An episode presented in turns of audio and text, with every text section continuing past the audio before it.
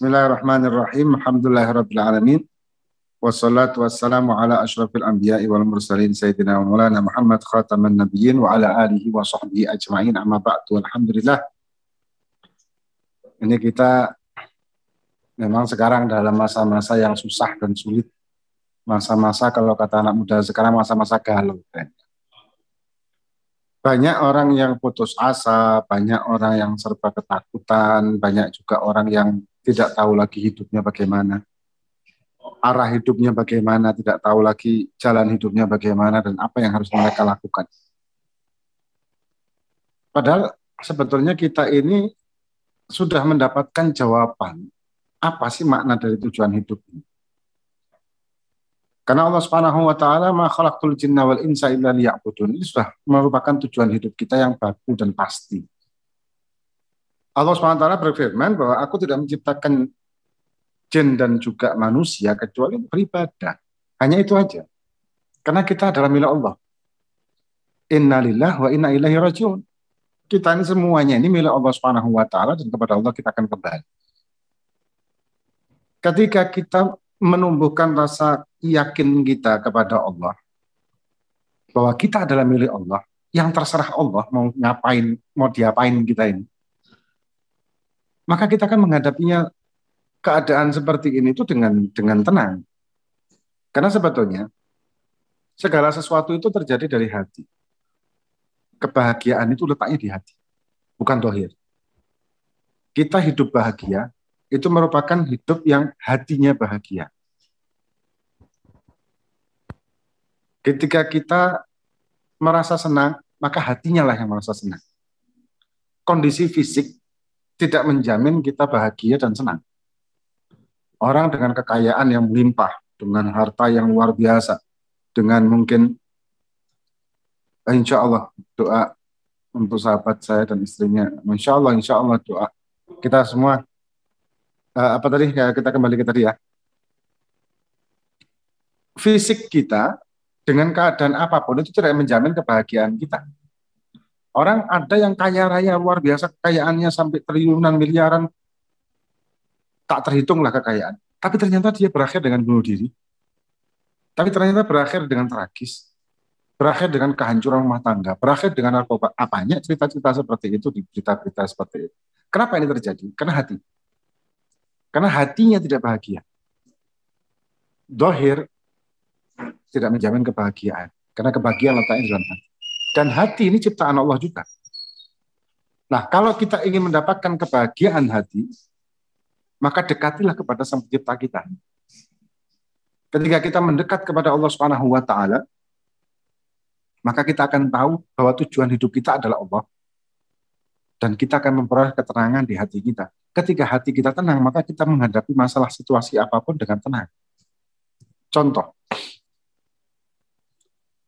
ketika kita menemukan anggaplah kabel HP atau kabel ini apa namanya ini headset yang ini rumit. Mungkin naruhnya eh, gimana jadi rumit. Kalau kalau bahasa Jawanya bulat gitu ya. Nah kita untuk menguraikannya ini, kalau dengan hati yang marah, dengan hati yang galau, dengan hati yang susah, maka kita mengurainya itu membutuhkan waktu yang lama dan juga kemungkinan berhasilnya cuma berapa persen. Mungkin anggaplah 60-70 persen. Karena dengan kemarahan seperti itu dan dengan emosi, akhirnya dia bisa bisa merusak kabelnya itu tadi. Tapi ketika dalam hatinya dia merasakan kelucuan hal ini, kok bisa sampai seperti ini ya kabel itu dan dia menguraikan dengan tenang, dengan hati yang tenang tanpa amarah, tanpa galau tadi, maka dia akan bisa menguraikannya dengan cepat, cenderung lebih cepat, dan tidak akan merusak. Dan presentasi dalam dan pers, apa, uh, jumlah kemungkinan akan akan akan menjadi kembali utuh itu lebih besar. Begitu juga kita menghadapi hidup. Ketika kita menghadapi hidup dengan keadaan yang kacau dalam hati kita, dengan galau di hati kita, dengan susah di hati kita, maka kita akan mengalami kebuntuan dalam hidup, seolah-olah kebuntuan dalam hidup, dan ya berantakan hidup kita dengan situasi kayak gini. Tapi ketika kita merasa tenang, merasa nyaman dan kita merasakan kebahagiaan, maka kita akan menjalani hidup ini dengan nyaman, dengan tenang, dengan mulus, tanpa rintangan. Andai kata ada rintangan, kita bisa menyelesaikannya dengan mudah. Permasalahan-permasalahan yang rumit, kita bisa menguraikannya dengan mudah. Nah, ketenangan dan kebahagiaan hati ini dari mana munculnya? Bagaimana caranya? Dekati kepada sang pemiliknya. Itu itu kuncinya sudah. Ketika kita mendekat kepada Sang Pencipta kita, Sang Pencipta hati kita, Sang Pencipta alam semesta seluruhnya, dan ketika kita munculkan di dalam hati kita keyakinan bahwa innalillah wa inna ilaihi rajiun, dan kita munculkan juga dalam hati kita bahwa tujuan hidup kita layak tidak diciptakannya kita kecuali untuk ibadah, maka kita punya ketenangan. Kita ke, punya ketentraman di hati dan akan muncul kebahagiaan dan kita akan menghadapi segala macam situasi ini dengan kebahagiaan. Anda pernah baca ada satu buku agak lupa nah, karangan siapa yang buku ini menceritakan uh, dia mengkaitkan antara beberapa ayat-ayat Quran dan tafsirnya dengan ilmu sains.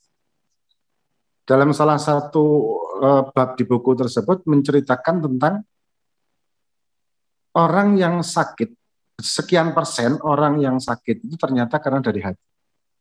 Dari perasaan di hati.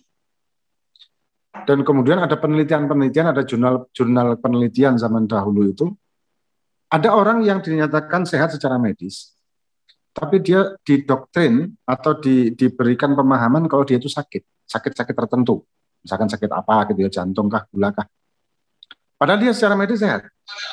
Nah, ketika dia ini selalu didoktrin bahwa dia ini sakit, selalu didoktrin dia sakit, selalu didoktrin dia sakit, terus menerus seperti itu, lama-lama setelah dicek medis lagi ternyata dia sakit dengan apa yang didoktrinkan. Kenapa kok demikian? Karena hatinya dia merasakan kegalauannya tadi itu, merasakan stres dan ini segala macam, hingga memunculkan penyakit yang tadinya tidak ada. Dan kalau kita lihat fakta, banyak orang yang ketika ketakutan yang sangat hingga dia menjadikan hidup ini sebagai orang uh, beban, jadikan kesempitan dalam hidup segala macam, orang ini malah tambah kacau kan. Malah men mendapat mendapati si orang tersebut mendapati dirinya mendapatkan hal-hal yang dia takutkan. Yang tadinya sebenarnya tidak ada. Jadi intinya dalam kehidupan kita ini hati yang sangat berpengaruh. Dan obatnya cuma mendekat kepada sang penciptanya. Pencipta hati kita, pencipta kita, pencipta alam semesta, yaitu Allah Subhanahu wa Ta'ala. Dan kita tidak mungkin bisa mendekat kepada Allah Subhanahu wa Ta'ala kecuali dengan ilmu, dengan melakukan cara, dan cara ini harus dengan ilmu. Apa itu? Syariat agama Allah. Kita mendekat dengan cara-cara yang sudah ditentukan oleh Allah dan Nabi-Nya dan para ulama-ulama sampai kepada kita. Itu jalan satu-satunya cara atau satu-satunya jalan untuk kita bisa mendekat kepada Allah Subhanahu wa taala dengan melakukan pendekatan kepada Allah sesuai dengan aturan. Sebetulnya poinnya ada tiga. Yang pertama, lakukan semua kewajiban. Lakukan semua kewajiban kita. Dan tidak ada satupun kewajiban-kewajiban dari Allah yang memberatkan kita sebagai manusia normal. Ini kalau kita rinci akan panjang tapi ini globalnya. Dan ketika kita melakukan kewajiban otomatis dengan aturan, bukan semau kita. Kalau kita melakukan kewajiban dengan semau kita, maka bukan bukan kita ini menyembah Allah, tapi kita sebetulnya menyembah diri kita sendiri. Hakikatnya begitu. Kemudian yang kedua, jauhkan semua larangan.